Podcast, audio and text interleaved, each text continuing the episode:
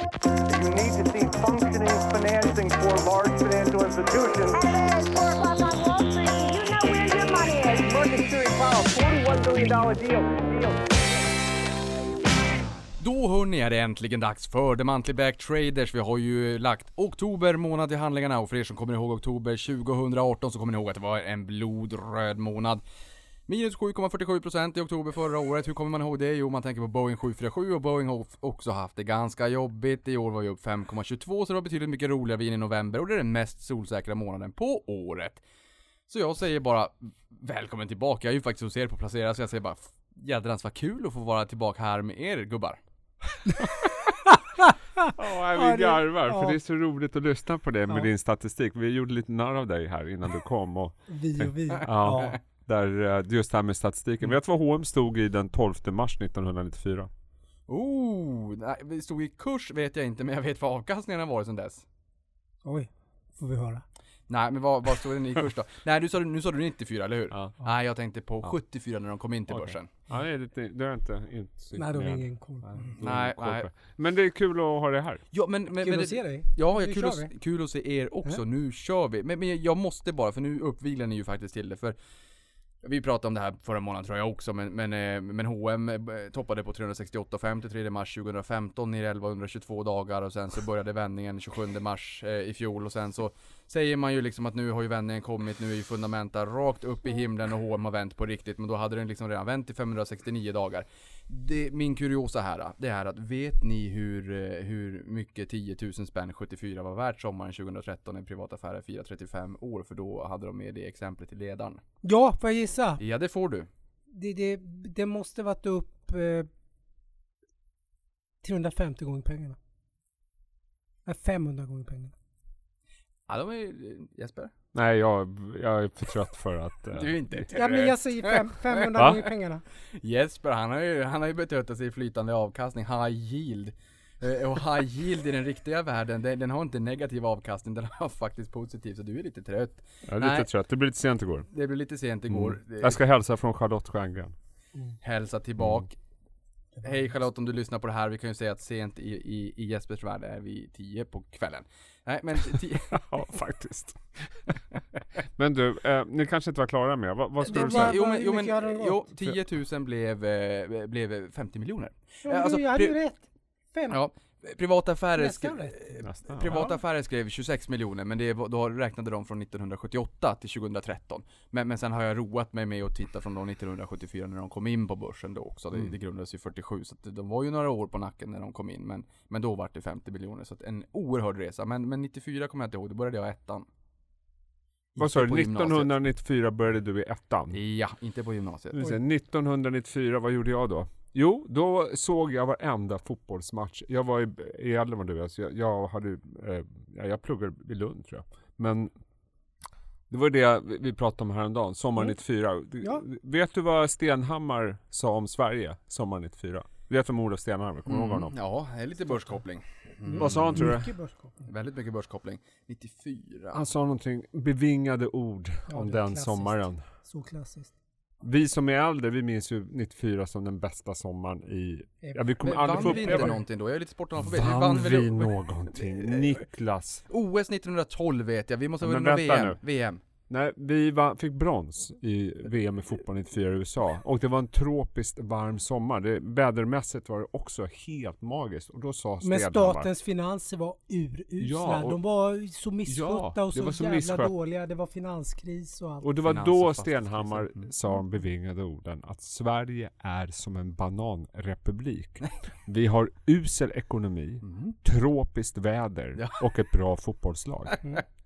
Det är underbart. Eller hur? Det Det är är ju klassiskt. helt fantastiskt. Du, vet ni att eh, under den här perioden, alltså 91, 92, 93 och 94, vi fick ny valutaregim och ni vet det var jobbig, jobbiga börstider och sådär. Ehm, vet ni hur mycket börsen efter att den bottnade, den bottnade i oktober 92, hur mycket den steg varje år, kagger, alltså i effektiv årsavkastning från 92 till 7 mars 2000 när vi toppade. Den jag ber om ursäkt om jag har sagt det här 70 förut. procent gick den, för den gick 100 procent 93. Fick 93 vi lära oss gick igår den, av ja. Precis, Innan exakt. de startade sin fond, då hade, då hade de 100 procent uppgång i ryggen. Alltså, de hade Exakt. inte fått det, men Ja. börsen hade gått 100 procent, så de var lite mm. Ja. Så det vet, så mycket vet Så jag. 70 säger vi. 70% För det är från... 70, 80, 99 Ja, också. ja. Ja men nu vet ni ju liksom att när media säger att börsen är upp jättemycket liksom senaste 10 Mm. åren så mäter man ju från botten. Ja, 70% ja, men det gör var ju lite, lite defensivt. Vi var upp 41% om året. Ja, men Från 92 till år 2000. Jag tänkte på min 2000. egen portfölj, jag blandade ihop det med... Okej, Men så du, får jag, får jag åt, återgå till en grej som du började med? Var du bara upp 70%? Per år, Per, per Får, år? får jag återgå Ja, till en grej som ja. du sa i början om H&M? Ja. Jag tycker det är en ganska intressant iakttagelse.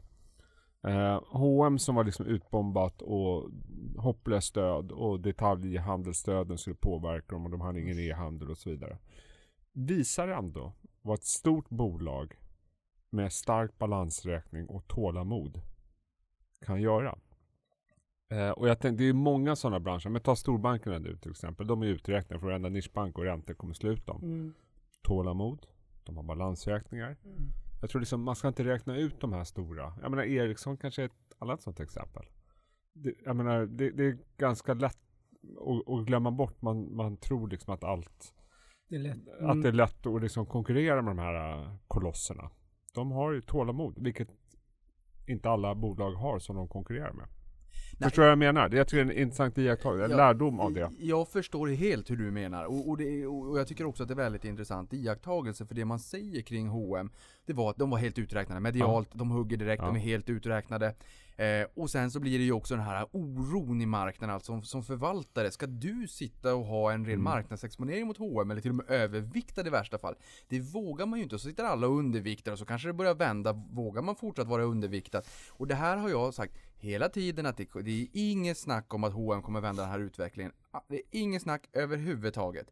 Därför att ju mer försäljningen och marginaler går ner, desto enklare jämförelsetal blir det någon gång i framtiden när det vänder. De kanske inte kommer tillbaka på en rörelsemarginal på 20% Mm. exempelvis. Men, men, men liksom någon gång vänder det ju. Frågan är hur lång tid det tar och frågan är hur börsen och de andra bolagen springer jämte. Om de springer mycket, mycket snabbare. Och också eh, familjen Persson som en stark huvudägare av kött Ja. och blod. Men man måste ändå ge, han lite, ge dem lite kritik att de är lite dåliga på att kommunicera med marknaden. Ja, ja, men Och- det, har de ju, det var de ju även när de var duktiga. Ja. När det gick bra för dem. Ja, och då kanske de inte behövde. Nej men de, de har ju alltid varit, fått kritik för deras kommunikation. Eh, även innan det började gå dåligt. Men men jag tänker liksom, vad, vad tänker ni på det här när man, när man var ute i, eh, var det väl DI Digital, den här eh, eller extra insticksbilagan, DI Dimension tror jag att den heter, den lite större, mera, brukar vara en hel sida med ett porträtt och då menar han på att vi aldrig varit mer kittade för framtiden än nu då, pappa Stefan Persson. Och sen kom ju en försäljningskalldusch tre veckor senare. Så att aktien gick ner jättemycket då funderar man på, har man verkligen koll på siffrorna eller är IT-systemen lite, för det har jag hört att IT-systemen var bedrövliga. Och att om man, man satt med massa Excel-ark och räknade man fel i någon liten, liten rad med någon eh, liten formel, då skickade man massa dunjackor till Spanien mitt i sommaren. Och man blev inte övertygad. Men, men jag är helt med på din bana. Det här visar ju att man måste våga eh, rida ut stormen. Men om jag skulle ha backat tillbaka, skulle jag ha köpt ännu mera H&M då? Det är inte säkert. Nej det är Men- inte, det är, det är lätt att vara efterklok liksom. Men har man den i portföljen, då ska man nog våga fylla på när det är sämre tider. Annars ska den inte vara i portföljen. Nej, Det är sant. så kan det vara. Mm. Eh, eh, Ja men, det, ja, Ja. men jag håller med. För det, det är alltid, även om vi vet att ett bolag som H&M förr eller senare skulle komma tillbaka. För de har tålamodet, de har ägarna, de har balansräkningen. Men det är fullständigt omöjligt att veta när. Du nämnde liksom den här kallduschen. Ja men kanske Mm. deras värld tycker de en kvartalsrapport är helt irrelevant. Ja, det tycker de Eh, de, de kanske tänker, ja men marknaden får tycka vad vi vill. Vi vet vad vi håller på med och vi, vi ser liksom kanske 5-10 år framåt i Mm. tiden. Eh, så att jag tror att där finns det ibland en, en misskommunikation mellan marknaden. Framförallt i det här fallet då en sån ägar, stark ägare i bolaget Mm. som egentligen skulle nästan kunna vara onot... Alltså, de sk- skulle de behöva vara på börsen egentligen? Nej.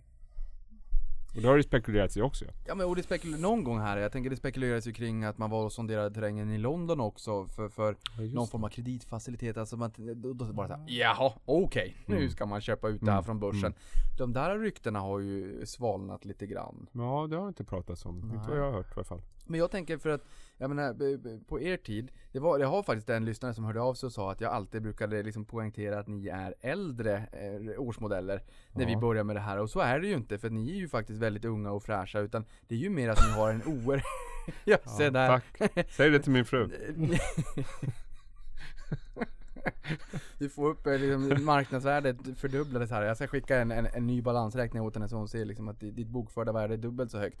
Men, men Ja. det jag menar, det är ju eran, eran fantastiska erfarenhet och kunskap och kompetens när ni har varit länge i branschen. Och när jag tänker på det, då tänker jag ju också på Getingen som du brukar prata om ibland. Jag menar, de är ju vinnare i år Ja. i OMXS30. De är, ju- det är ju enda, eh, enda eh, dubblar, dubblaren i OMXS30. Mm. Och där, nu har man väl kanske där fått eh, genomlida det här under lite längre tid än H&M. Ja, absolut. Och de... Eh, det gick ju fel.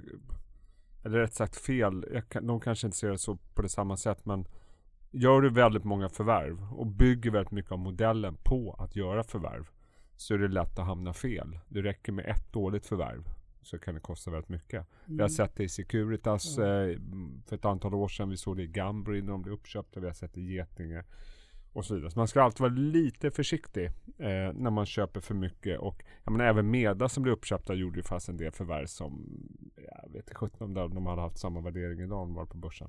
Eh, men igen, i grund och botten, om du tar ett bolag som Getinge, det är ju inte förhoppningsprodukter de har haft. Det är ju inte skitprodukter. Det finns ju ett, starkt varumärke, en stark marknadsnärvaro. Och då handlar det bara om att lösa de problemen. Det är inte så att det är binärt. Bara för att vi fick det här så är bolaget upphör att existera. Det finns väldigt starkt eh, varumärke. Och så är det ju i H&M och så är det i många andra Securitas och, och vad du vill. Men de har ju lite gemen- De tre bolagen du nämner nu har ju alla starka huvudägare. Ja, det är Eh, riktigt. Alltså det är lite ändå, tycker jag, absolut. lite så, som man ser. Så man ska liksom inte räkna ut dem där. Det det, men sen är det ju alltid omöjligt att tajma.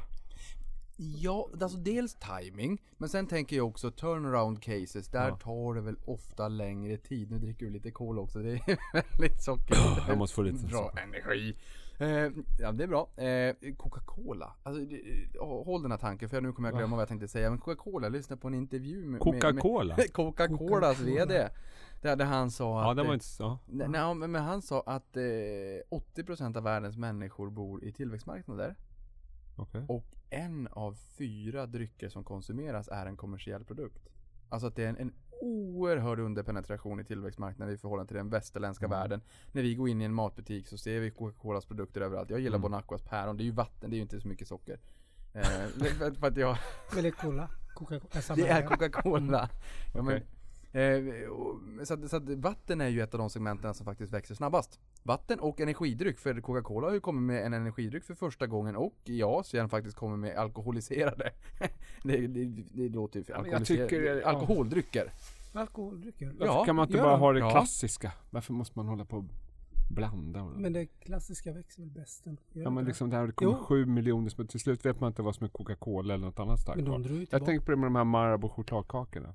Jag vet inte, under 90 95% av mitt 50-åriga liv, nu kanske jag överdriver, så, så har det alltid varit Marabou mjölkchoklad Mm. och Marabou den här nöt... Eh, vad heter det? Nu finns ju fasiken 700 olika. Jag tror inte Det- de har haft någon produktutvecklare tidigare. Mar- ja, det Jag kan ju vara. Marabou. Oreo, Marabou. Ja. Och det är väl kul. Uh, Dime, Marabou Dime. Limited edition. Men ibland så kan ju det nästan eh, Det blir dra, det blir liksom spärr ut varumärket lite. Ja det blir lite inavel, man ska vara lite försiktig med brand extensions för, det, för nu har ju eh, Cloetta, eh, Ja. liksom, det, det är ju världsklass på deras kexchoklad. Det är ingen som smäller på fingrarna. Ja, Eh. Marabou Ja. försökte med deras nougat, den smakar py- pyton. Eh, m- m- Cloetta, eh, de, både Cloetta och Marabou är börsnoterade. Marabou är Mondelez och det är ju en väldigt, väldigt Mm. liten del. Man Mm. kan inte köpa Mondelez för Marabous skull. Eh, de har ju chokladkakorna, de är ju, de är ju fantastiska. Där har ju Cloetta försökt slå sig in med chokladkakor. Jag tycker inte att de har lyckats där eh, i samma Ja, utsträckning. men ta den här kexchokladen Cloetta. Tänk om de blir som, nej men nu ska vi slänga in lite tutti frutti smak i den och så. Eh, Han är bitter. nej men jag känner bara klassiska varumärken. Nej, jag håller med. Klassiska varumärken håller. Ja det gör det. Läkerol går väldigt bra, det är lite mer klassiskt. Ja. Mm. Men de har också, fast kanske inte senast, de har också massa olika smaker men de har haft Det var mer. länge sedan va? Det var nog länge sedan Ja. de började. De, de var tidiga, får man säga. Ja. Men jag tror liksom, gör det för mycket så, så är risken att då kommer man inte, då får du inte den här, jag menar Marabou mjölkchoklad var ju på något sätt en känsla när man växte upp, var det inte det? Jo. Mm. Att man var uppe i Mm. fjällen och Mm. farsan tog fram en bröt den där. Det, den låter här som ett jävla reklamprogram. Mm. Åh, vad gott det var. Mm. Men förstår vad jag menar? Nu Ja. vet man ju fasen, man ska gå in och köpa choklad här i fredag. Det är s- 700. Vet ju inte. Då går jag därifrån och köper nötter istället. Nötter. Vi pratade om det tidigare, Ja, att vi, nötter är- jag och Per gillar nötter. Men du, Per, på tal om det. Jag såg att du liksom kikade ner i telefonen alldeles nyss när jag och Jesper pratade. Ja, Eh, lyssnar inte på oss. Nej, och då såg jag jag... hela tiden. Jag såg att du tjuvade in på Apples aktieapp. Så att här, Mm. nu vill jag fundera lite grann. Vad är det liksom, vad är det för fickpingis du håller på med? Vad är det för värdepapper du tittar på? Jag kollar nu, USA har ju precis öppnat. Ja. Och då har jag den bästa källan är ju Apples. Det är ju inte den, för det är inte realtid. Så inga namn. Jag har infront. Ja men den funkar väl kanske om man betalar extra. Nej, jag tror inte det börjar göra det. Nej. Terminen är ner lite grann i USA. Ja, Mm. ja. Eh, det det gäller ju inte det här programmet sänds kanske. Nej, och på tal om det, jag menar nu, Nej. någonting som vi måste prata om, eh, det, det är ju all time high. 21 oktober slog vi all time high, vi har liksom, vi har jagat det där sedan eh, 27 april 2015. 1639 dagar under vattenytan och sätter man det i liksom en, en kontext och i relation så kan man ju säga att det är tre och en halv gånger finanskrisens duration. Så att det var en ganska lång tid under vattenytan. Där kanske man får skylla på bank Mm. lite grann som hade låg värdering. Jag tycker i och för sig, eller ja, vi, vi kommer till bank sen. Jag vill koppla an på det här med att man ska våga eh, hålla ut. Men, men vad säger ni om eh, all time high? Nu, nu media rapporterar om att det, det är ju nu man ska sälja självfallet bara för att vi är på ATH. Eh, vad, vad, Ja men så det? är det ju alltid. Jag känner, om jag ska försöka dra en lång historia kort. Eller, så- eller en kort historia lång. Ja, lång nej men jag känner väl lite så här att eh, jag förstår att börsen eh, stiger eftersom vi för en, två månader sedan trodde att vi skulle gå in i en djup recession och det har vi inte gjort. Så det finns en, en lättnad i den där och det finns också en lättnad i att handelskonflikten kanske är luckras upp Ja, lite ja, grann visst. och geopolitiskt generellt. Mm. Eh, så att jag förstår och vi gick in i en rapportperiod där förväntningarna var att eh, det här kommer bli jobbiga rapporter. Det blev inte så jobbiga rapporter. Och då var det bara, åh bra, då kan vi lägga det bakom oss. Så jag tror väldigt många oron har kunnat bockas av. Men med det sagt så kan jag tycka ändå det jag, jag är lite förvånad över att eh, marknaden tar allting med ro. För det är fortfarande så att rapporterna i sig eh, inte var så här jättebra. De var bättre utifrån förväntansbilden, det är viktigt att komma ihåg. Eh, vi har en amerikansk tioåring som vänder upp igen. Mm. Men det är bra. Vad hände för ett år sedan när tioåringen vände upp? I och för sig på högre nivåer. Eller, Mm, då blev marknaden jätteorolig. Vi har fortfarande en konjunktur som absolut inte har kraschat. Men den är inte kanon. Det är liksom inte kraftig tillväxt sådär va. Eh, så att jag är ändå lite förvånad. Men jag förstår det utifrån rent psykologiskt perspektiv att Ja, vi, vi satt ju här och pratade om inte- inverterade yieldkurvor och Mhm. eh, räntemarknaden har alltid rätt och vad är det vi missar och det här kommer bli jättejobbigt. Vet du vad? Jag, jag drar ner risken. Och så helt plötsligt kan vi bocka av. Då, då blir det en sån känsla. Mm. Men man hade nog gärna velat se kanske lite starkare grund att stå på för att man verkligen, för att vinsterna är ju inte med oss. Riktigt. Ja, men vissa bolag har ju varit bra. Jag tänker tech i USA har ju varit jättebra resultat. Exempelvis. Ja, de kommer, har ju kommit in väldigt bra ja, i de har rapport. kommit in bra. Ja. Men per, per, nu, nu, måste jag ju ge en till dig, för den här gillar ju du självfallet, det förstår ju jag. Du, du är ju eh, en bilnörd. Eh, finbilsnörd om man ska säga finver, finverkstad han är en snobb, du får säga Du det. är en snobb. Ja, du får säga Eh, det. du är en snäll snobb i sådana fall. Men, men det jag menar med det här, det är ju att eh, vi har pratat om fordonssektorn och haft det jättejobbigt. Jag har läst in eh, samtliga vd-ord på OMXS30-bolagen. Därför har jag fått en liten känsla för vad som stod kring fordonsindustrin också. Fantastiskt. Den har varit väldigt jobbig och fortsatt jobbig så att säga. Men så kom Ferrari med en burnout. Och det är ju verkligen premiumsegmentet. De spelar ju inte i samma liga som gängse fordonsindustri och fordonsmarknad såklart. Har du liksom någon känsla för, har du tittat in eh, Ferrari någonting? Såklart. Ja, skrivit om såklart. det. Nej men det är ju det är unikt. Det går ju inte att jämföra. Alltså bolaget kommer ju de kommer ju aldrig vinstvarna för det första. För de har för lång leverans. Fattar du? Ja. Du måste ju vinstvarna för närmaste kvartal eller närmaste år. Det kommer de aldrig behöva göra. Så de har så långa ledtider. Alltså så lång orderstock. Mm. Det är helt unikt. Men, Nej men men Boeing och Airbus har ju 8-9 års ledtid så att säga. Är det liksom något eller är det flera års ledtid i, i orderstocken på, hos Ferrari? jag vet inte, den är ju säkert två år i alla fall. Ja, men det är ganska Vissa. lång tid får man Men är, säga. är, är Ferrari mindre konjunktur? Vi pratade ju om det tidigare där, det här med lyxkonsumtion, att det går, brukar gå relativt sett bättre eh, i, i, i är en lågkonjunktur. Små serier, det är bara, de tillverkar ju liksom bara 9-10. Ja, men då, då påverkas inte de Nej, det är lika mycket. Precis som LVMH hade sitt, vad var det du sa, sämsta kvartalet Kvartal. någonsin var Flat. Flat tillväxt. flat tillväxt, vilket är ju helt fantastiskt. Men jag bara undrar om, om Jag du tror- jäm, nu har de små produktioner, jag förstår det, men, men det är ju inte så att man slutar köpa Ferrari-bilar, eller är Nej, det, det är är det ju inte. Och de flesta som har en eller man, Ferrari-bil. jag köper inte, men Nej, men det gör vi inte. Men de, de Ja. flesta som köper en Ferrari-bil har redan en Ferrari-bil i garaget. Alltså ni hör ju, det är en kundgrupp som är... Okej.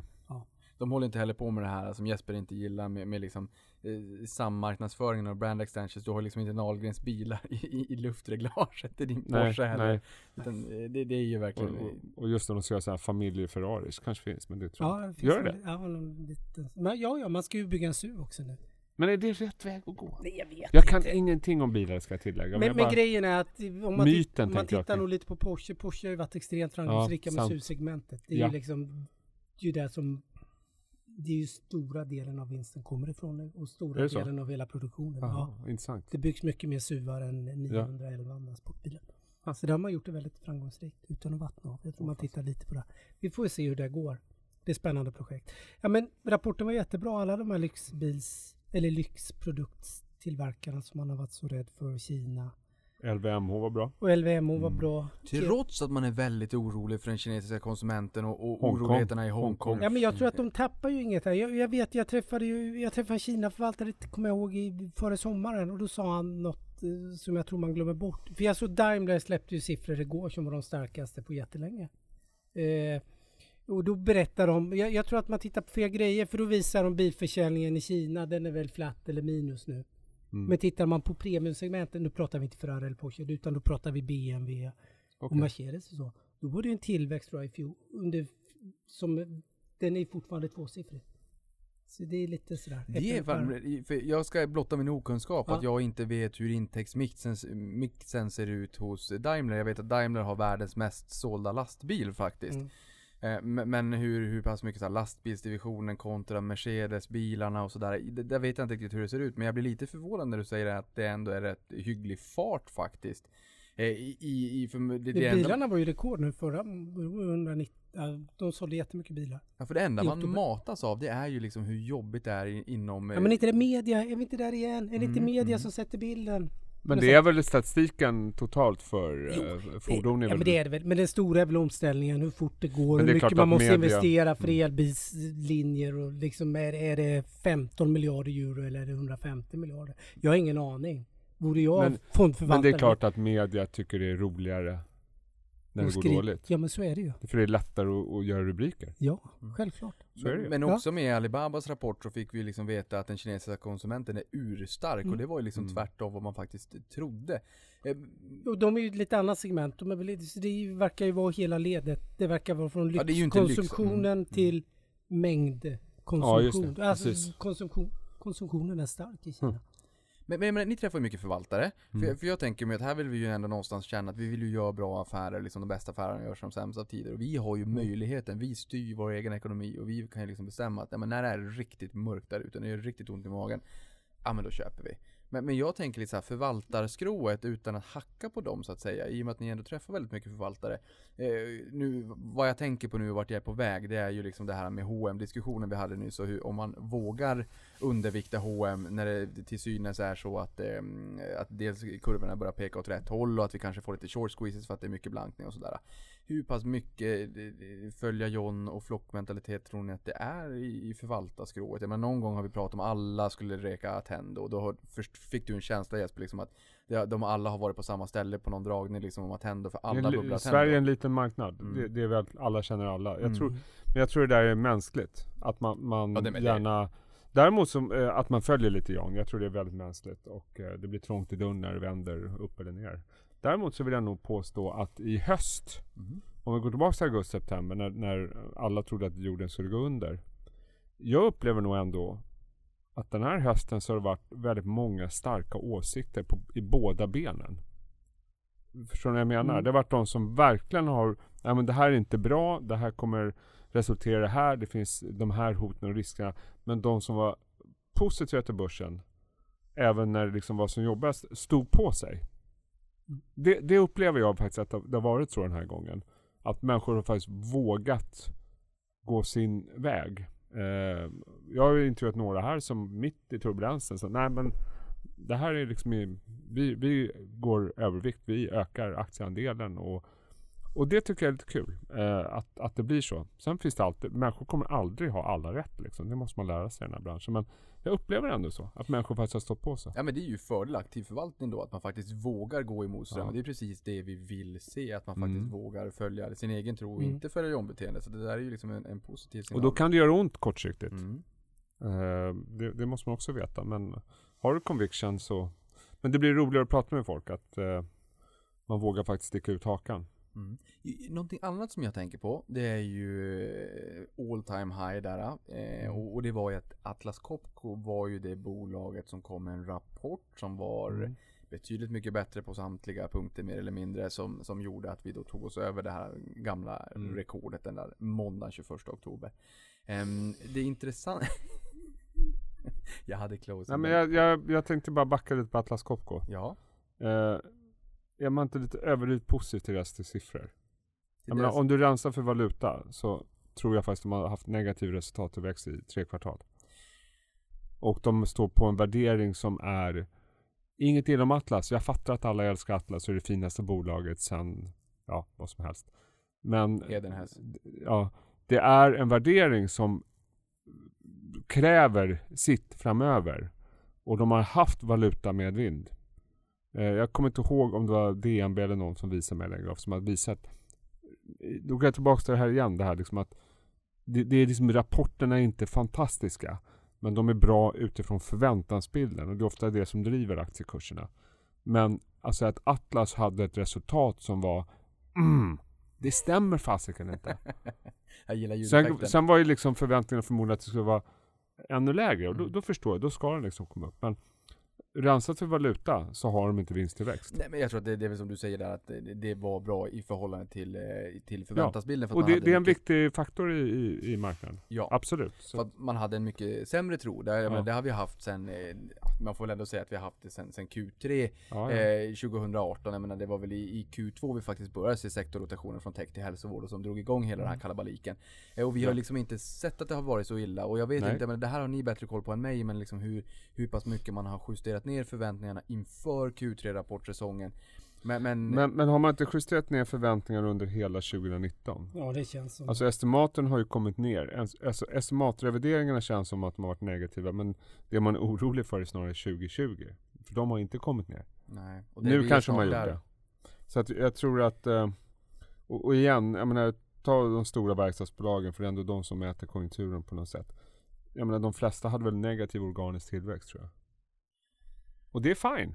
Det, det gör inte så mycket för att är det minus 1% och inte minus 25% så indikerar det att kanske de flesta ändå har rätt att ja, men det här blir en mild lågkonjunktur. Lågkonjunktur är något fullständigt naturligt. Det kommer och går. Det är. Men det blir ingen krasch. Nej. Och jag tror det är det som gör att marknaden just nu är lättad. Jag, jag skulle vilja någon gång i framtiden om vi får tag på sådana där siffror, för de kanske är komplexa att få tag på, jag vet inte. Men det hade varit väldigt roligt att se historiskt hur revideringstrenden har varit under året inför nästkommande år i förhållande till hur det året, då, säg 2020, faktiskt gick i slutändan. Alltså jag vill se börsutvecklingen år över år Ja. och trenden, revideringstrenden upp eller ner inför och under det året. Så, någon sån statistik hade varit roligt så att man kan lära sig lite grann hur Sen den dynamiken är väl föränderlig, det är väl liksom rörliga komponenter men jag, man vill ändå se lite grann hur re, revideringarna, vinstförväntningarna korrelerar, samvarierar med börsutvecklingen. Eh, Alltså rent teoretiskt så ska ju börsen korrelera med vinsterna. och ja, ja men det blir med vinsterna. Men, men jag tänker liksom förväntningarna och för, hur förväntningarna förändras Sen är, väl precis, sen är det precis som med, med eh, Riksbankens eh, räntebana liksom att vi, vi, Ja, tar, vi tar en sak i sänder. Nu, nu, nu fokuserar jag på 2019. 2020, de revideringarna kommer men vi tar det här först. Så, så, så funkar ju människan. Så att jag tror alla sitter och väntar på att revideringarna kommer komma för 2020. Och allmänna bilden är väl att ja, men vi får två, tre kanske ja, kvartal som vi har lägre tillväxt. Men det behöver inte bli så mycket mer än så. Det, det uppfattar jag som konsensusbilden just nu, att det är där vi är. Och då ska ju vinsterna ner. Eller vinstestimaten ska ner ytterligare under början av 2020. Ja men för hur, hur tänker man här då? För jag tänker mig så här, valutavinsterna det är ju lågkvalitativ intjäning. Det, det är ju liksom, Ja. det, det är fluffet längst upp. Det är skumkronan på en öl. Eh, och jag menar det, det beror ju helt på eh, hur, hur, om vår valuta är svag eller stark. Nu har den varit svag eh, ett gäng år. Eh, men, men någonstans, och det faller ju också ur jämförelsetalen. Mm. Så, att, så att någonstans när vi börjar få se, och det är liksom med vd-orden som jag läste, jag såg ju också att det, det, det var ju inte sällan, det är ju i samma miljardbelopp. Alltså vi måste prata om de här vd-orden Kom, Niklas. kommenterar de liksom valuta? Jo. Har Ja, de, men det gör har de. de åsikt om det? Alltså jag förstår att de kommenterar hur mycket pengar och liksom marginal med och utan valutaeffekt. Men Jag tycker nog man vågar... är det någon som sticker ut och säger att det är fördärvligt ändå? Eller? Jag tycker nog kanske Som nationalekonomerna gör. Nej, det men- finns ju konsensus att Ja. minusränta. Det är nog inte i OMXS30 vd-orden som, som man sticker ut, eh, känner jag.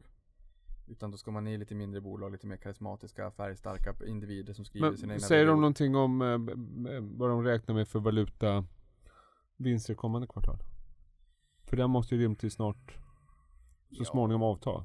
Ja, vissa säger, inom För en verksamheten del ger ju ganska tydliga prognoser på just att eh, vi räknar med valutavinst eller valutaförluster på x antal miljoner kronor Ja, nej inte vd-orden vad jag såg. Kanske någon sådär, men inte som jag kommer ihåg. Nej, men, men, men ta mm, vissa bolag, de, de säger så här, ja men Q2 var, var, var starkt och starkare än vad vi hade väntat oss. Mm. Och då sa man inför Q2 att Q2 skulle vara svagare eh, Eh, än Q1 och sen så vad heter det, nu kom Q3 in starkt och det, Q3 skulle vara svagare än Q2 och nu guidar man igen då och säger att ja men nu ska Q4 vara svagare än Q3 så att man har ju guidat ner lite grann samtidigt som resultatet har kommit in över eh, vad man själv har förväntat. Men man, man, man håller ner förväntningarna lite grann så att den känslan, nu är jag osäker på vilket bolag det var, kan det ha varit Atlas? Ja, det var nog kanske Atlas. Men, men, men att man då säger, man, man vill hålla, liksom moderera och hålla ner förväntningarna lite grann Mm. samtidigt som Alfa Laval, de säger att nej men nu kommer Q4 kommer nog vara lite bättre än Q3. Ja. Så att jag tycker ändå att det har varit lite blandat men att många har liksom orkat hålla tätt bakåt, hålla uppe marginaler samtidigt som man ändå guidar ner lite grann och känner att vi, vi, vi väntar och ser. Många pratar om det makroekonomiska läget, många pratar om eh, världskonjunkturen. Häng kvar den. Ja. Fortsätt, jag ska stänga dörren lite grann för det är Mm. något disco här utanför. De har tagit fredag. De har tagit helg. Nej men att många, många pratar om ändå liksom att man följer utvecklingen kring, kring avmattningen och sådär. Men de säger, säger ju och läser ju också media och, och, och, och liksom alla pilar vart de pekar och sådär. Så att, ja, men lite defensivt kan jag väl tycka att det har varit. Men jag undrar också sådär, nu med Trump och Kina och USA, för att den har ju påverkat pilarna hit och dit, att man har suttit på händerna och varit lite oroliga. Vad tror ni framåt? Kan vi få se en liten ljusning för att det verkar gå li- Nu är det bara fas 1. Ja. men, men, men att det, Men får jag, får jag, Mm. jag, nu var jag, jag hörde inte med, men det här med vd-orden och konjunkturoron, jag måste få haka på det. För min tes är, de, jag, nu har inte jag läst eh, 753 vd-ord som du har gjort eh, och läst till. Det är ju faktiskt det galnaste du har gjort tror jag Niklas. Ja men det var lite roligt, men det var skitsamma. jobbigt men roligt. Jo, min känsla, vi har pratat om det här tidigare idag jag och Per, att min känsla är när jag läser eh, urvalda, utvalda vd-ord, det är att de säger att ja, vi ser att marknaden är tuffare. Vi gör ingenting åt våra prognoser. Och det rullar på ganska bra. Och då undrar jag igen, det är det som, om jag ska försöka sammanfatta det, generalisera lite grann. Då undrar jag, är det så att de säger det här för att det är nästan att de måste säga det. För att de läser i tidningarna och de hör det och de ser statistik som kommer ut. Eller är det så- för vad jag menar, hade de de facto sett en försämrad konjunktur i deras orderböcker och så vidare. Då hade de rimligtvis dragit ner sin estimat för hela året också. Förstår jag menar? Att det känns som att man, man helgarderar sig här. Ja, nej, men jag håller nog med om det förstnämnda också, att man lägger ut kanske på en PR-byrå och skriver vd-orden vad som förväntas av att det ska stå där. För man vill inte stå med liksom med, Skägget i brevlådan. Nej, Ja. om ett kvartal och det har fullständigt kollapsat och varför sa du ingenting i Q3? Lite den känslan får jag. Mm. Sen är ju inte vd-ord en jättebra indikator på vart ekonomin är på väg. Nej, och, Historiskt har- brukar det inte vara det. Nej. Jag tycker de har blivit bättre där. Men det är ju bra om företaget får ju mycket information, tycker jag. Ja. Eller liksom. Ja men det är det jag tänker också. Jag menar, Ja, ja absolut. Ja, ja, oh ja. Oh, ja. Och, och läs några vd-ord några år bakåt då och se liksom om de följer upp det de faktiskt har sagt. Jag tänker mig, för jag tyckte det var jättejobbigt att läsa in 130 för, för att man får läsa ordagrant och sådär. Jag gillar ju att bubbla ut. Men jag tänker nästa år att jag ska kanske läsa in 500 vd-ord eller något sånt där. För att, jo för att ni har ju liksom en längre erfarenhet i Jag måste räkna ut, hur många gjorde du nu? 30? Eh, Nej 28 för Skanska hade inte hunnit komma än och Atlas har ju både A och. B-aktier. Och det tog två timmar. Ja, Det är inte så 2,10. Vad Bra jobbat. Bra jobbat Niklas. Ja tack. Nej men jag tänker så här, ni har ju varit med i gamet längre så att för jag, jag gillar ju 500 timmar. Jag gillar att bjuda in eh, börsbolag den här podden för att lära mig mer om verksamheten. Mm. Men om man då kan läsa in 500, vi, vi har runt 1000 bolag i, i Stockholm på, på samtliga listor och kan man läsa in 500 kanske, då lär man sig oerhört mycket om de här 500. Men då får det vara årsredovisningen. För de är ju lite matigare än vad en kvartalsrapport är. Ja, de är jättematiga. Men du kommer ju tappa rösten. Ja, Och vad ska du publicera de här 500? timmarna. Ja, i ett inlägg. Man, man, man får liksom skriva någon sån här tidskod för vilket, när vill man pratar om vilket fem- bolag. Ja, 500. det måste du göra. Ja. definitivt. 500 timmar delat på 24. Det är skitbra. Det är ju väl, det är ju nästan en månad du ska sitta där och... Eller? Ja men då får jag ta några vd-ord varje dag. Såg ni det förresten med Netflix? Var det Netflix? Jo, borde- det var det. 50 miljoner. Nej men det var det här att de eh, eh, var det på nyheterna igår eller förrgår, det här man skulle För att människor är så stressade, de hinner inte se tv-serier Så nu har de den här funktionen Att man kan se filmen i en gånger fem hastigheten Nej. Är ju Nej. Perfekt! Ja. Det här är för fan vad som är fel med vårt samhälle Per men Jag tror det var Netflix som har Nej. tillfört den tjänsten Men eh, eh, är inte det här som är fel med vårt samhälle? Att vi ska helt plötsligt se serier upphöjd speed Vi vill göra så Vi behöver ta det lite lugnt Jo, men, men, men där har jag faktiskt läst nu här. Nu, nu har jag lyssnat, nej jag har inte läst, jag har lyssnat på en ljudbok. eh, Den här Järnstark. Ja. Och, och där tyckte jag var lite intressant. Jag sprang också på um, Erik Springhorn på, på gymmet. Jag tog mitt pick och pack och gick till gymmet en dag på lunchen för jag sitter bara vid min dator liksom Ja. i, i, i infronten och bubblar in i min värld och så glömmer jag bort att äta lunch. Men då gick jag på gymmet och tänkte nu måste jag liksom fixa till lite multi, multipel kontraktion här kring midjan tänkte jag. Och, och, och då träffade jag på honom och så bubblade vi lite grann och då Mm. kom vi fram till att jag måste läsa den här boken Why We Sleep. Mm. Eh, det har jag inte gjort än. Jag ska, jag ska göra Mm. det. För han, han är liksom verkligt nitisk. Han ska ha sina åtta timmar på per natt. Ja, eh, och det, han, han liksom tummar inte på det. Men då läste jag den här, eller lyssnade på den här Hjärnstark också. Och då pratade de om hippocampus i hjärnan då. Mm. Eh, och, och att hippocampus, och den behöver ju liksom sin sömn för att eh, som transformera Mm. allt det vi bubblar om idag från korttidsminnet till, Till långtidsminnet. långtidsminnet, ja. För att annars om vi bara ska trycka in mer information och allting, så du eldar ju för kråkan om du inte programmerar in det långsiktigt i hjärnbarken. Och ska du tjäna en halv gång på Netflix? Alltså jag har ju lärt mig, jag kan inte multitaska. Jag kan inte sitta och följa Twitterflödet och lyssna på en podd samtidigt. Det går inte och till, tillgodogör jag mig inte som sägs. Så att jag har liksom, jag har min pendel har börjat Va, svänga va, hur tillbaka. mycket sover du? Nej, jag- alldeles för lite, jag har inte tid. Men, nej men, Nå, för jag men- sover inte heller nämligen. Ja men jo men jag sover nog kanske lite längre än det. Jag brukar gå och lägga mig ett, halv två om jag sitter och, och förbereder en podd eller sånt där. Och sen så går jag väl upp vid sju, halv åtta. Okej, ja min väckarklocka ringer vid sex men jag brukar gå upp vid fem. Och det är inte för, Nej. att, det är inte för att jag vill utan då vaknar jag. Och då När går går du jag, lägger dig? eh, jag brukar försöka släcka lampan innan midnatt. I fem timmar. Ja, det är fem. Jag behöver 60. Och det är absolut ingenting jag är stolt över. Jag tillhör inte de här som bara Åh, gå upp klockan fem, gör 7000 armhävningar, käkar en jävla, Springer, ja, ja. en jävla eh, rotfruktsjuice och sen bara Kör blogga och sen hålla på. Nej, det är inte jag. Utan det är så det funkar bara. Nej det måste vara lite jobbigt. Mm. Ja. Och sen yoga i tre timmar och sen lyssna på någon motivationsguru Guru. liksom. Nej, det är långt från mig. Men, men med, med tanke på liksom börsen nu och sådär då. Har ni gjort något nå aktieköp sen vi träffades senast? Eh, Jesper har väl kanske någon fond? Va? Ja, jag pratar... Ja, men något måste jag köpa. Jag köpte lite, lite Vitrolife i somras. Men... eh, Det kom, och- var ju bra rapport. Ja, Bra de rapport. small ju Ja, 28% ja, ja. rejäl. Jag tycker det är jobbigt i och för sig för att jag har liksom en post, jag har byggt upp en liten position men den är ju ganska liten i förhållande till en normalposition i portföljen och då är det ganska jobbigt när de smäller sådär för då blir man alltid efterklok och varför byggde man inte upp positionen snabbare? Men är det inte de som Men- har en... eh, Vem är huvudägarna nu? Bure, va? Nej, men var det inte något... Bure var väl va? Det är inte Bure innan de där? Nej, men var det inte ska någon som i ökade... Ja, men det tror jag. Jag är säker på att det är ett Ja, Burebolag. Googla det där. Ska jag kolla? Det är För det, var- det har varit en sån här bolag som man har pratat länge om som en uh, Googla, det är ett verb. Vi ska avansa det för vi har det i appen. uppköpskandidat, är det inte det?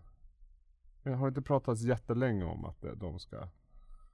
Jag har ju Eh, faktiskt... vill, oh, oh, Jag- Vad var du, vad säger du nu? oh, det här. Jag Ja, brukar berätta. ändå ha koll Påminn på mig, ägar- påminn vill- mig. Ja, men jag vill hålla lite grann på det här. Ja men det är någon stor eh, Ja, bolag. jag- är, är de här danskarna ja, eller? Ja, du är på rätt spår. Jag håller lite grann. Det här var Det är danskarna, eller? Ja, nu ska jag hålla en vallgrad kring min information jag har här. Bure Equity är eh, näst största Ja, ägare. precis. Men det är Eh, någon som har flaggat upp där. Ja, under- och det är... eh, Det, är vad det fan är de heter? Mm. Nej, jag säger så här.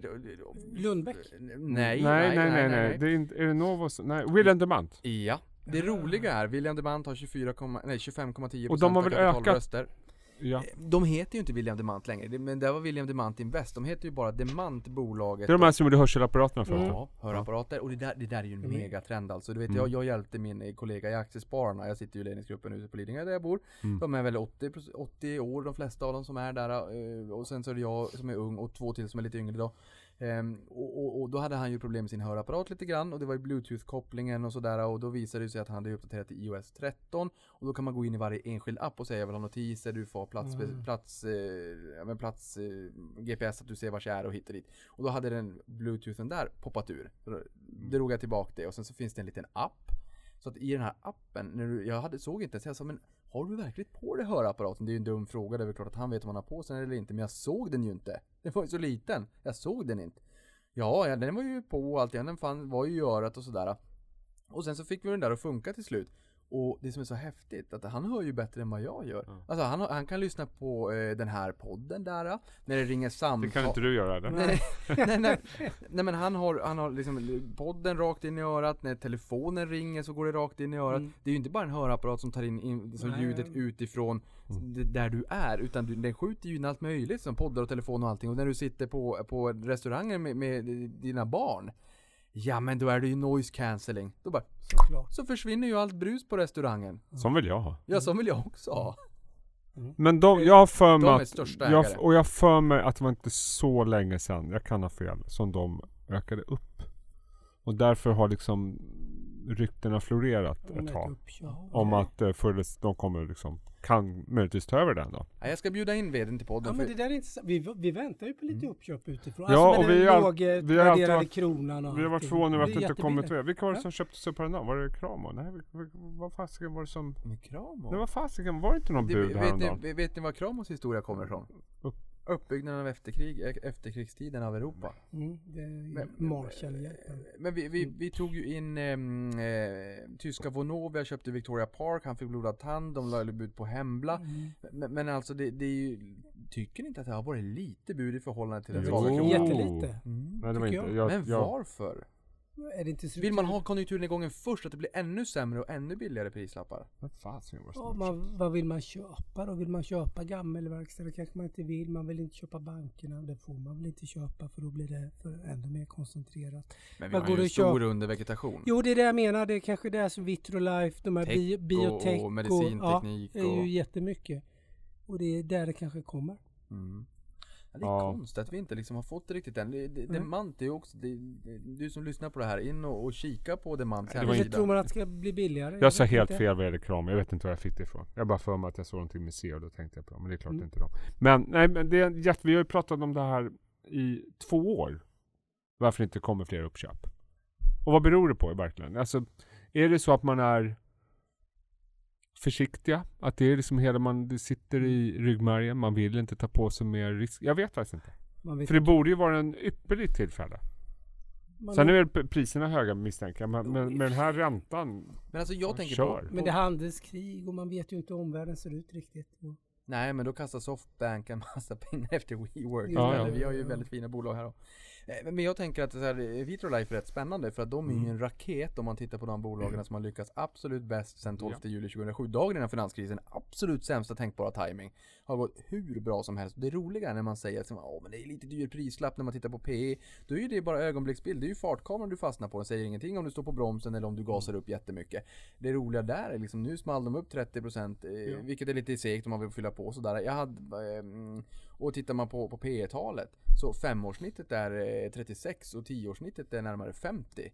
Eh, Så det är klart, de har ju alltid varit relativt dyra men fortsatt att driva. I, i, i Japan, vi har 70 000 hundraåringar, fler vuxenblöjor än barnblöjor. Kina, 1,4 miljarder människor, en miljon i arbetsför ålder, väntas falla ner till 800 miljoner människor med enbarnspolitiken och allt vad det är. Vi väntar längre med att skaffa barn. Vi får färre barn per kvinna ägghotell och så man går även in på den manliga delen att det inte bara är kvinnor som vill vara proaktiva och spara och frysa ner ägg utan även männen och sådär.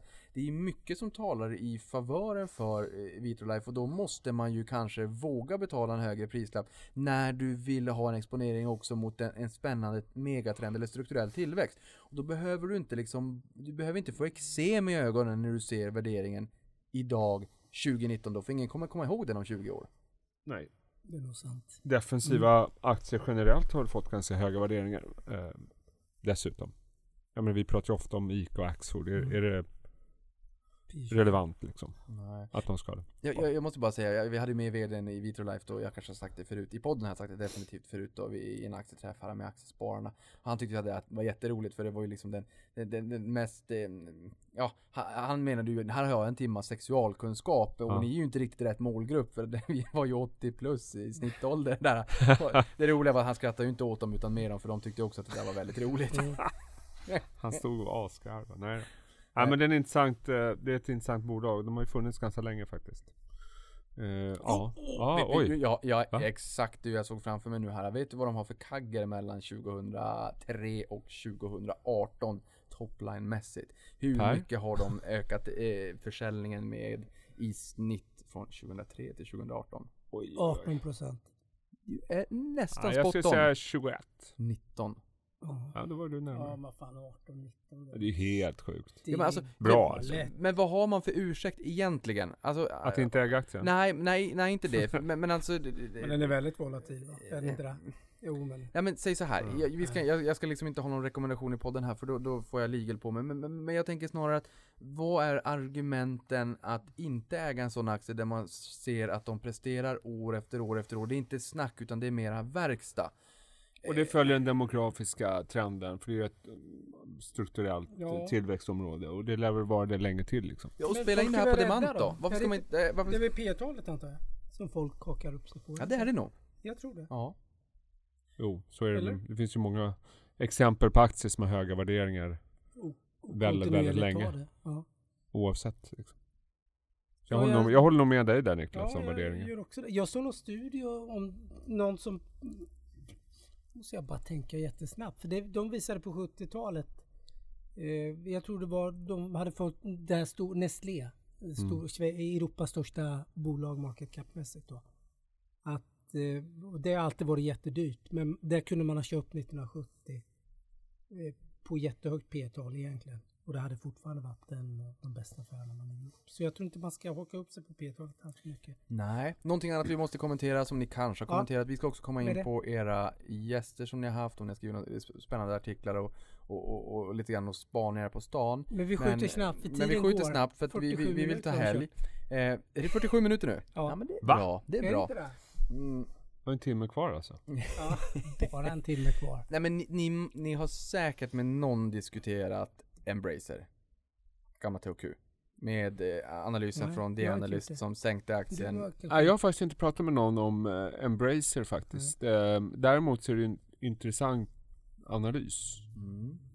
med det här med eh, eh, redovisningen. Det är ju alltid kul när sådana analyser kommer upp. Mm, skapa Eh, debatt. Men, men alltså, Men jag har inte pratat med någon förvaltare, vad, är det bra eller dåligt liksom? Det har jag inte. Däremot så vet vi att det är en aktie som eh, eh, många förvaltare har tyckt om och tycker Mm. om. Det vet vi. mm. Men det är ju många av de där bolagen. Jag menar THQ, Paradox eh, och inte minst eh, Stillfront. Mm. Som är väldigt populära generellt bland förvaltarna. Så är det ju.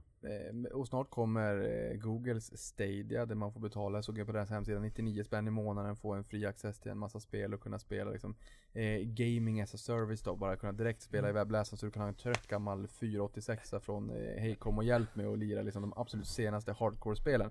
Så inte Eh. Apple också göra på sin eh, Apple Plus, den nya? Så inte komma till spel där också? Jo, Eller är jag jo, helt ute och nej, nej, cyklar du- har Nej, helt är- rätt, du har helt rätt. Du är helt Men, på. men det är inte hardcore-spel, alltså det är ju inte såhär, Okej. på Ja, jag Stadia, då är det de senaste Vad är ett hardcore-spel, jag som inte spelar? Nej det gör vi kanske inte riktigt jag heller. Jag spelar Call of Duty Mobile, det är jag fast vid faktiskt. Okej. Men annars har jag inte riktigt tid att spela. Men, men eh, Bubble Witch händer ibland att jag spelar. Är det- det hardcore? Gör det? Nej.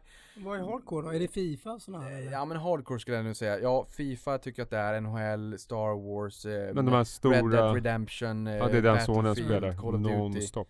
Ja men alltså, ta, tänk så här. Okej, De- stora produktioner helt ja, enkelt. tänk er bio, block, Ja, ja, de just det. riktiga blockbusterverken. Jag förstår. Eh, jag och förstår. folk blir ju tokiga när Ja. jag frågar om det så att man inte kan göra ett mobilspel av, av det här spelet. Och, alltså gamers blir galna då. Men jag tänker Call of Duty Mobile tankas ner 100 miljoner gånger. Mm. Första veckan, 170 miljoner intäkter, 4,9 i betyg. Och folk säger ja ah, men det var nog bättre än vad jag förväntade mig. Men, men det, då, är det en, då är det en casual game som mig. Det är nog inte en, din son som spelar för han kommer säkert tycka gud vad töntigt. Nej, han... han eh, jag, jag får alltid så mycket skäll av lyssnare och tittare när jag börjar referera till min son när det gäller spel. Det händer varenda gång. Jag, så jag vill redan nu be om ursäkt till att jag refererar till min son. Han är 16 och då blir människor säga det är faktiskt inte bara 16-åringar som spelar. Jag, jag vet det, men det är den enda källan jag har. Ja, du spelar ju Bubble Witch. Jag spelar bara. Men han är ju sån här som att han köper ett spel till, säg Playstation.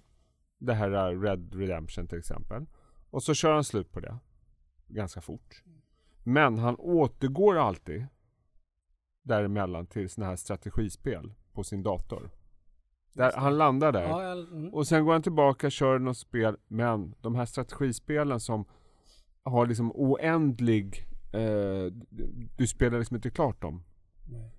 Han landar alltid där. Han landar alltid där. Och så kommer något nytt eh, spel som han tycker är häftigt. Och så kör han det jättefort. Och det, det som är så imponerande, tycker jag då, det är jag kan ju sitta bredvid honom och kolla när han spelar de här spelen.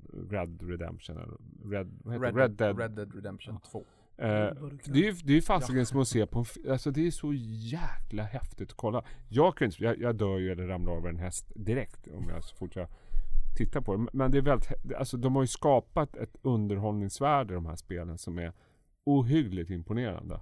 Jämfört med det du och jag spelar på Typ Pac-Man. Det var ju Mm, häftigt för det var ju färg. Kommer du ihåg när det kom? Det var Mm, färg. Det var men eh, så att jag förstår verkligen det här eh, underhållningsvärdet. Men ändå intressant för de här strategispelen är ju inte liksom grafiskt eh, jätteimponerande. Eller de, de, de är bara Mm. väldigt eh, rogivande Mm. att spela. Om jag förstått rätt. Men ni, ni vet att gaming globalt är större än musikindustrin och filmindustrin tillsammans. Är det så? Ja. Är det så? Ja, Jag det tror inte att det är så många alltså.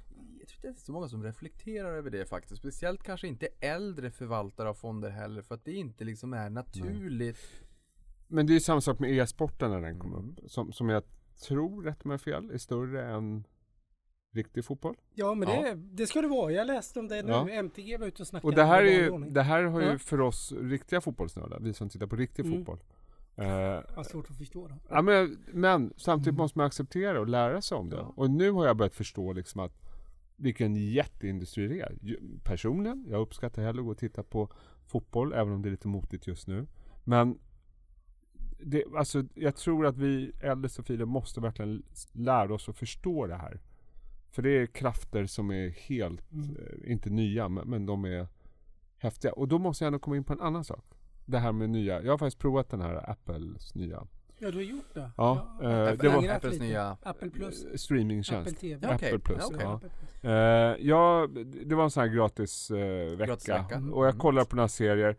Eh, de har inte så jättemycket material än, Nej. givetvis. De har precis startat. Men det är ju stora, dyra produktioner de satsar på. Ja. Och de har ju råd att göra det. Eh, men det som slår mig ändå, det är ju prislappen. Jag tror det är 50 59, spänn 59 Ja. i spänn. månaden. 50 Vad ligger. Netflix på? 129, 149 kanske? Ja, jag tror att det billigaste förut var 79. Jag betalar 139 fyra skärm. HBO, HBO ligger 89 också där någonstans va, eller? 79, 80, 89 Ja, de där, ja. nu. Mm, HBO ju Och sen kommer Disney. mm. Eh, Disney kommer på 60 spänn, runt Apple Och, också. och det här är ju jätteintressant. Alltså jag är 12 en, jag är en stor eh, Netflix-konnässör. I USA, inte i Sverige. Mm. Jag är en stor Netflix-konnässör. Eh, jag tycker det är svårt att hitta bra grejer ibland. Mm. Men, men jag ändå tycker det är en fantastisk tjänst. Verkligen, jag vill verkligen försvara Netflix. Men kan de fortsätta att höja priserna? Vad tror ni? Går det i den här marknaden? Nej. Men om Alltså- Apple, tänk om två år när Apple har liksom, de kommer, de kommer säkert höja priserna i och för sig, men när de har ett bra sortiment? Eller är det så att det fortfarande är så låga priser på allting att man kan faktiskt ha fyra, fem olika sådana där? Ja, men jag, jag tror att de kan höja priserna, fast jag tror inte att de kommer kunna höja Okej. priserna speciellt mycket. Mm. Därför att jag tycker att den potentialen är lite grann uttömd. Ja, nu, ska, Mm. nu ska man inte jämföra 139 spänn, för de har ju billigare alternativ. Jag tror att, Ja, eh, ja. säg att det är 89 det billigaste, 79 eller 89. Mm. Eh, och det, det är väl klart att du kan höja prislappen om det upplevda värdet är högre. Jag menar, ta liksom, liksom hela IP-katalogen på, på Disney med Star Wars och allt vad de har. Eh, nu kommer de, nu prisar ju de in sig i Men de marknaden. kommer bara köra Disney-produkter va? Eh, nej, det, jag, jag är lite det. osäker på den. De kommer definitivt köra sina egna. Ja, Ja. du kanske du kanske har en poäng i Ja, det. jag, vet, jag vet, jag, jag bara för mig att jag läst, men jag kan ha fel. för, Vi får... för, för de har ju liksom, de har ju köpt, eh, ja vad nu det här bolaget heter nu, så att de har ju liksom, de får ju in De, de har ju Pixar, Marvel, Marvel och, och eh, köpt, Star Marvel Wars. Studios och- Ja, De har ju jo, Lucas, Lucasfilm, Marvel och Pixar. va? Ja, Mm. men sen har de ju köpt, vad heter det då? Eh, Fox va? Med så att de får Simpson och de får ju en jättekatalog Ja, där också. Det är därför de har fått in Avatar nu också. Men det är klart att de ska gå på bio först. Den kanske kommer in på... på Intressant. nej, nej, jag tror att du har rätt. Jag tror faktiskt inte att de har eh, externt på... För de äger ju ganska många varumärken. Eh, ja. Som kommer försvinna från Netflix om jag förstått Just det. det, Ja, alla de här Ja. Star Wars-filmerna. Men Netflix har, så jag, jag älskar Netflix som, som konsument. För jag Ja, tycker ja, att det jag med. finns, det finns Absolut. ingen tjänst tycker jag idag som är bättre att förstå mig och liksom vad jag vill ha för någonting och feeda in och det känns Jag tycker bara såna här grejer att de, att de visar så här kommer snart Mm. Eller Niklas nu finns det någonting att titta på, en pushnotis i telefonen, Ja, de är skickliga. De är lite Ja men De är jag skickliga. tycker det Ja, Mm. jag håller men, med. men sen är det sådär att, ja men i USA, där är det nog ganska, eh, ganska, ganska mogen marknad. Sen så blir streaming wars hettar upp nu, för så här, första november kommer Apple, 12 november kommer Disney Plus. Och det kanske gör att Du har man, Prime också. eh, Amazon Prime ja. Mm. Och, och då kanske du, då, då kanske du, eh, och Hulu, eh, Mm, som Disney är storägare i, eh, de kanske gör att den här liksom förändringen från eh, tre hål i väggen går ännu snabbare. Jag menar, när jag hade Jonas eh, Telander i podden på Mm. Storytel frågade jag så här, poddar lyssnar jag på hela tiden, är det ett hot? Nej det är det inte. De, de, de vänjer dig att lyssna på det, det talade Ja. ordet. Bra. Eh, de intensifierar övergången, transformationen. Mm. Eh, Men, men tittar man på Netflix, ja de finns i vadå, 195 marknader, I USA är ganska moget, det är också där ofta man har Jäklar vad det har gått fort. Ja, Ja. högsta intjäning. Jag kommer ihåg, man, han satt ju på någon konf om det var någon Ja. presentation när han sa As we speak we're launching an, i 130 nya marknader.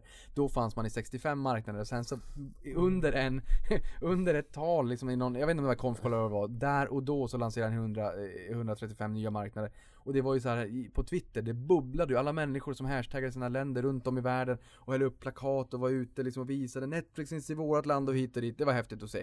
Men Indien verkar ju vara en jättepotential.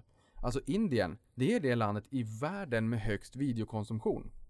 De är ju tokiga. Stor filmindustri. Stor filmindustri och, och det finns en liten sån där kuriosa till varför, de, varför det har blivit så stort. För nu kommer ju Apple prisar, eller Netflix då prisar in så här med ett billigare abonnemang och det är lite sämre kvalitet och sådär. Men, men då- vänjer man ju marknaden. Jag menar, i Sverige, vi har 10 miljoner människor. Det finns definitivt 10 miljoner människor i Indien som kan betala mer än vad en typisk svensk kan göra när de har 1,2 miljarder människor. Världens näst största eh, liksom, ekonomi, eh, mätt i befolkning. Men, det var en miljardär som har någon form av telekomoperatör där som över natten gjorde data jättebilligt och liksom demokratiserade och Det, liberaliserade. det kommer en ny operatör från Ja. ett... Får jag, får jag berätta en rolig grej? Jo, i snitt 9,8 gig, eh, ska jag bara säga, i snitt 9,8 gig i månaden bränner de. Eh, de, de, de största konsumenterna av videomaterial i världen och eh, Ericsson med 5G-utrullningen spår att det kommer gå upp till 18 gig 2024 tror jag att det var. Vad har du nu? Apropå Netflix. Mm. Vi, vi pratade om det här på lunchen du och jag. Mm. Eh, eh, Ja, Bloom. Bloomberg intervjuade eh, Mark Randolph som är en av grundarna av Netflix. Eh, jag tror det var idag eller kanske igår. Som eh, sa att eh, 2000, år 2000, eh, så försökte Netflix sälja sig själv, bolaget, till Blockbuster Mm. för 50 miljoner dollar. Och då säger han så här, Mm. They laughed at us. Ja. Says Netflix co-founder Mark Randolph. Idag är Netflix värd 127 miljarder dollar och Blockbuster är väl i princip i putten eller? Det är i putten va? Det gick väl i- ja. Fatta! Ja. Det måste ju vara ett av de största strategiska misstagen ett bolag har gjort. Tänk om man, det hade kunnat verkligen räddat Blockbuster. Väl- Om man, nu var ju Netflix på den tiden var ju ett CD distributörsbolag om jag minns rätt va? Jo det var Eller hur? det. Var Som hade ju inte någon streamingtjänst. Nej. Nej de har ju, de disruptade ju sig själva. Just det, Det, precis. gjorde, det, det ja. gjorde ju Apple också så att, så att de, de, många av de här bolagen som verkligen lyckades att våga disrupta sin egen Ja. affärsmodell. Just det. Det kräver mycket Ja, men, men, övertygelse. Häftigt. Men Ja, det är det är igen, bra ägare, bra grundare som vågar göra det. men får man ta ett svenskt, eh, svenskt exempel här som, som är lite grann påminner om det där. Mm. Eh, här för någon dag sedan i DI så stod det lite grann om eh, en av EQTs fonder som har som maturity 2021 och där i finns Anticimex. Mm. Och Anticimex, där Just funderar det. man på lite grann om de Jag ska börsnoteras. Ja, Anticimex är värt, eh, jag när, när eh, Ratos sålde det. Ja, jag tänkte säga det, jag kommer ihåg att Vad det var det värt? Vad- vad var det värt de- Men idag är det värt mer än hela Ratos. Ja, och det är, äh, fortsätt bubbla ner. Jag ska kolla vad man sålde Ratos för prislapp. Jag, jag tror att det, det är liksom Ja, jag lite hårresande. Alltså värdeökningen på Anticimex sen Ratos sålde det är astronomiskt och eh, Anticimex är idag värt mer än hela Ratos va? Jo men det Jag måste tror det att du är vara. helt rätt. Ja. Och, och där nu, Ratos fick ju liksom, kom väl med en bra rapport, de sålde ju sin fastighet, det, är så här, det, det kan man inte jämföra, det måste man ju justera för. Om man ska justera någonting Ja. så måste man ju justera för det. Men det är lätt att vara efterklok. ja, det är det. Det vet vi alla. Det vet ja, jag. fast Ja. grejen är att så här, jag tar med mig Bed Bugs Don't Read the Wall Street Journal, det är banne mig självklart. Vi har en urbanisering och all man ska bo i Ja, Ja, storstäder absolut. Rollins i, i USA, alltså de, de, jag förstår inte hur de kan åtnjuta 40, 45, 50 P tal men det är så här, Jag vill äga Anticimex. Mm. Mm. Det Mm. kommer du få ändå. Ja, jag hoppas det. Jag Tror det. Ja, det blir säkert. Tror inte det? Ja, jo det är rimligt. Va? Det lär ju inte Vad- bli Vad sa min- du? 2021? Eller vad? Två- du sa man- något man- hur länge man- den skulle leva? Ja, den där tju- fonden. 2021, men nu, nu, Ja, fi- nu det- sålde de väl iväg lite grann till Asien här men, men det Mm. kan ju vara så att det sker någon affär innan det om de får rätt prislapp. Eh, tiden går fort och man har roligt, vi ska snart, eh, snart rappa ihop, men jag ser att eh, Anticimex såldes till EQT för 2,9 miljarder. Enterprise Value. Eh, och idag är det ju värt eh, betydligt mycket mer, men eh, låt oss bara för sakens skull eh, Och vad har Ratos vad Ratos har. Vad har de för värde? för börsvärde. De är Ja. värt 10 miljarder. Och eh, Anticimex värde idag är ju Måste då mer än eh, Ratos. Jag Ja, jag har för mig är att det var så. Minst tre gånger. Nej, det är fantastiskt. Eh, verkligen. I Ja. och med affären värderas bolaget till 38,5 Ja, Jag tänkte säga, jag tänkte säga miljarder. 30 i alla fall, att det är värt tre gånger så mycket som Ratos. Fantastiskt. Nej, det är fantastiskt. Ja. Hörrni, Ja. ni träffar ju en del förvaltare som är här och bubblar. Kan ni inte bara dela med er om, har ni liksom, är det någonting spännande som har bubblats i eran studio? Ja, Det har ju varit har ju mycket fokus bubblat på på- rapport. Det, det har varit Mm. väldigt mycket fokus på rapport calls och sånt där. Och eh, eh, vi har pratat Securitas, Hexatronic. Eh, vad har vi mer pratat om? Eh, det har varit mycket konjunktur. Har det varit. Eh, hade ett intressant samtal med Roger Josefsson om att marknaden fokuserar alldeles för mycket på ISM-tillverkning som går ner. Varför gör vi det? Det är historia, höll jag på att säga. Men, men, men eh, att rapporterna är väl överlag, eh, människor är ganska nöjda med det. Hexatronic gick väl ner på sin rapport, vilket var lite omotiverat utifrån rapporten, men den har gått upp mycket inför. Man var lite förvånad över Securitas, pratade om vikande marknad. Eh, men det har inte varit, eftersom det blir sån här rapportperiod så blir det väldigt lite så här, oh köp det, gör det liksom. Ja. Utan det blir väldigt mycket analys av eh, rapporterna generellt. Vi hade ju Dino och Gerge här, de var positiva till aktier. Ja, verkligen. De har ju jag. haft det tufft. Både Adam och Henrik hade den här. Ja, Mm, såklart. Eh, de har ju haft det väldigt tufft. Vi pratade väldigt mycket om eh, hur man hanterar När det går när det går dåligt. För de har haft Eh, mycket längre bank va? Mycket Ja, de har, haft, varit, de har legat fel ganska länge. Mm. Eh, och eh, hur det påverkar självförtroendet Mm. och Mm. vågar man vara fortsatt konsekvent och långsiktig och Mm. intressant faktiskt. Ja, det var- varit mycket Det är lyssningsvärt. Ja Ja. det känns ju verkligen Den, den podden. Det känns ju existentiellt för att det är ju Mm. verkligen Mm. där man ska Mm. fortsatt våga tro på sig själv. Men man, det är klart att det, man får en ond magkänsla när, när det går en emot en lite längre tid. Det, Men jag har en liten annan spaning. Ja, Eller jag har ju ja. träffat mm, lite Euro- Europaförvaltare och sånt. och de börjar bli lite mer positiva till Europa. Till Europa, ja. Det har jag också hört. det tror Ja. lite. För Europa har ju drabbats mycket hårdare av handelskriget egentligen som vi exporterar mycket mer till Kina än vad USA gör. Eh, mer exportdrivet och eh, det är att det, och det har varit extremt stora utflöden från europeiska aktier till framförallt amerikanska aktier. Att där kan man kanske tro att eh, för Europa är så pass billigt nu och om man hittar någon hyggligt bra lösning på handelskonflikten och så. Så att skulle det gynna Europa mer då som det är så exportdrivet dit. Så det är väl lite, mm, Europa kan komma tillbaka. Det är väldigt billigt. Uh, historiskt billigt. Flera marknader är jättebilligt. Men även här är det, ju all time high. På viss, eh, kanske inte på dagsbörsen men Stockholm har haft all time high. Eh, Parisbörsen. Och sen finns det börser som inte har det. Ut som Frankrike, eller vad heter det, Tyskland och eh, Storbritannien. Eh, Schweiz går väldigt bra också. Ska man inte glömma bort. Stora dockorna där. Så det är väl lite sådär. Mm, det kan bli lite revival för europeiska investeringar. Jag tyckte podden med Johan Thorén var Och det ju jag. Ja, det var De ju firar också Ja, jubileum. Mm. Han... Eh, Det är många som jubilarer, ja precis. Väldigt många jubilarer. Hade, Dino Gerge 25, Enter Ja. Fonder 20, Strand 15. ja, Ja. 15, 20, 25. Jag- Jag tänker på Mm. det liksom så här, då, då ska man ju ä, dricka gott och äta gott och Mm. fira och så här, och någonting som vi har Det är lovat. därför det är ju, jag är som jag är idag. Nej, men- Jesper var på partaj igår. men vi har ju lovat att vi skulle äta, eh, Ja, f- just det. filma och äta den här, eh, vad heter det, Beyond, Beyond- Burger. Mm, och gjort. Beyond Meat då, och det har vi ju, jag får lite påminnelse nu och då om det Ja, av lyssnare. Så att vi får se till att göra det. Vi borde göra mer sådana tester. Ja, Vi kan kanske börja testa de här, vad vi pratar Coca-Cola-grejerna också. Ja, just Ja. det. det var Och ju, eh, mm, Marabou. Såklart, hela sortimentet.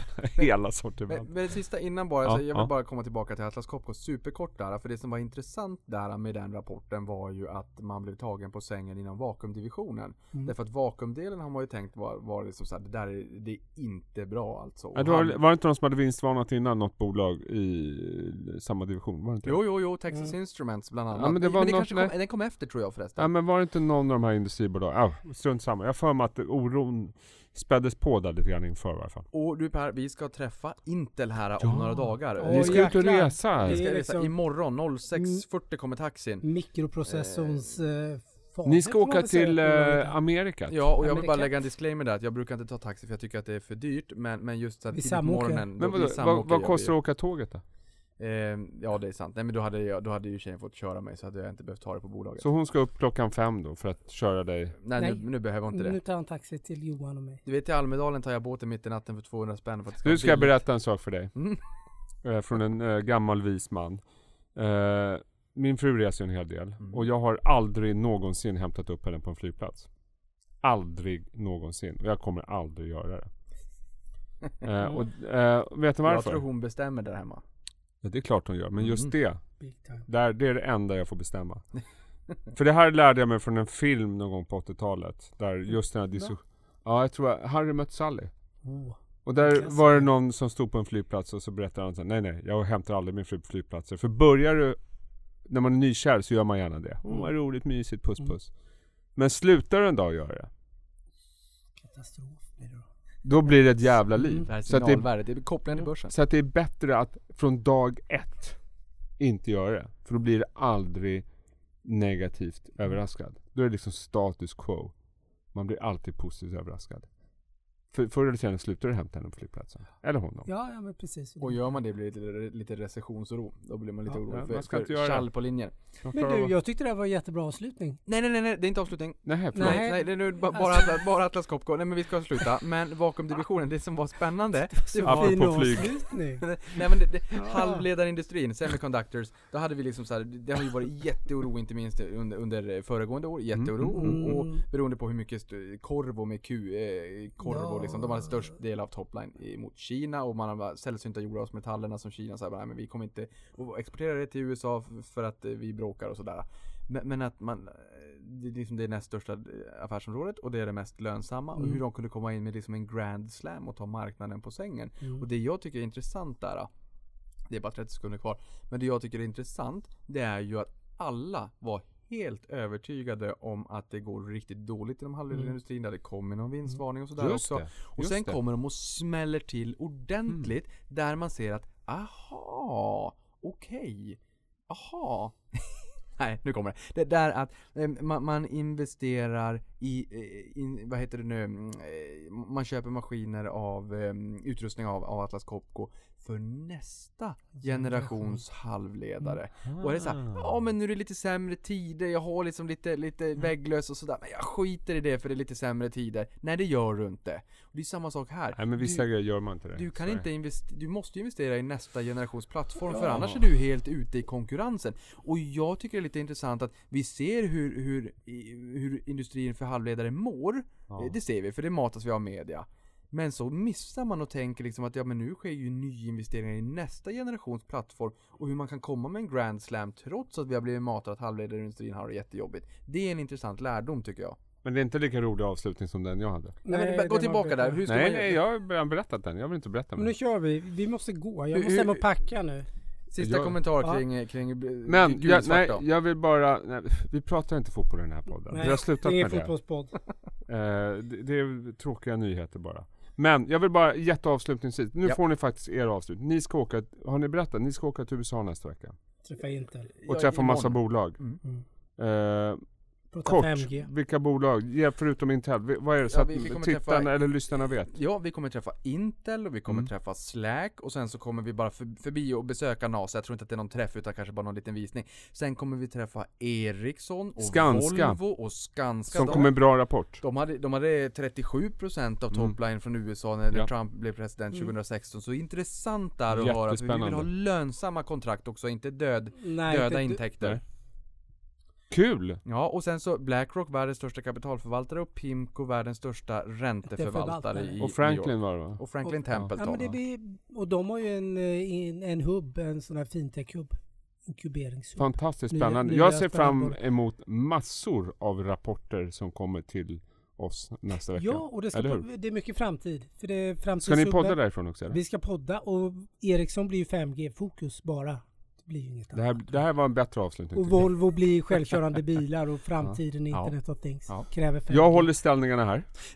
Okej, det, det här är, det jag lovar att det här är avslutningen nu. Mm. Volvo, jag måste bara säga Volvo, det vi kommer fråga där också, det kommer nyhet klockan 14.15 här. Köper en hellre Volvo än Atlas. Copco. Eh, nej. Eh, Varför men- inte det? Nej men för att jag tycker att jag är fruktansvärt imponerad. Nej jag är jäkligt imponerad över Atlas Copco. Eh, Okej. Dels Ja, servicedelen, men också så här, redan för många år sedan alltså när, när det var Sandvik Atlas, hur, hur liksom, 70% av intäkterna, eller 70% om, om, om du får en beställning, eh, de har så lite fasta kostnader. Så 70% av produkten som, som de säljer om du vill köpa den av mig, den skickar jag iväg till någon annan underleverantör och får. Precis. Eh, De, de är, Jag de, fattar. Mm, Jag fattar. mm, Men jag, jag känner att den här podden kommer aldrig ta Nej, slut. nej, nej, men Nej. det, men det jag ska säga med Volvo bara. Ja. Pressmeddelandet var att de fick Europas största order av elektrifierade bussar som ska gå till en fransk, eh, fransk-nederländsk fransk, ja, aktör som ska köra Västtrafik. Största ordern i Europa av elektrifierade bussar. Och sen kom de dagen efter och säger att nu jäklar rampar vi upp elektrifierade lastbilar för last mile delivery. Mm. Det tycker jag är jäkligt häftigt och det kommer jag fråga om när vi är i USA där. Nu Men vi är jag fel. Volvobolag, jag vill inte förstöra. Vi ska, Personvagnar? ja det tror jag, det är väl självkörande bilar tror jag vi ska Jaha, prata jag trodde om. det var Tror jag. lastvagnar. Jag, Jag tror- tittar inte på mig, Nej, jag får inte jag- följa med. jag tror att det är självkörande bilar. De gör ju med Uber och sådana här projekt. Vilken Så har jag uppfattat det. Jag vet inte. Ja, jag har ingen aning. Det enda jag vet att... Det är nej, kinesiska Jag vet Volvo, att vi ska inte, träffa inte, Skanska. inte, Ja, ja, det är Geely. Okej. Tror jag. Ja. Men men det var en kul inte. diskussion ändå Niklas. Vi får se vem som får rätt av oss. Det kan vara eh, lastbilar. Och med de orden, hörni. Tack. Ha en bra resa hörni. Mm. Stort tack för podden. kör vi igen om en månad. Och tack för att du lyssnar på det här. Vi har med oss poddutrustningen, mig och Per hör du från Amerikat. Tack och hej. Amerikat. Bam, bam. Ciao. Mercury Power, $41 billion deal. deal.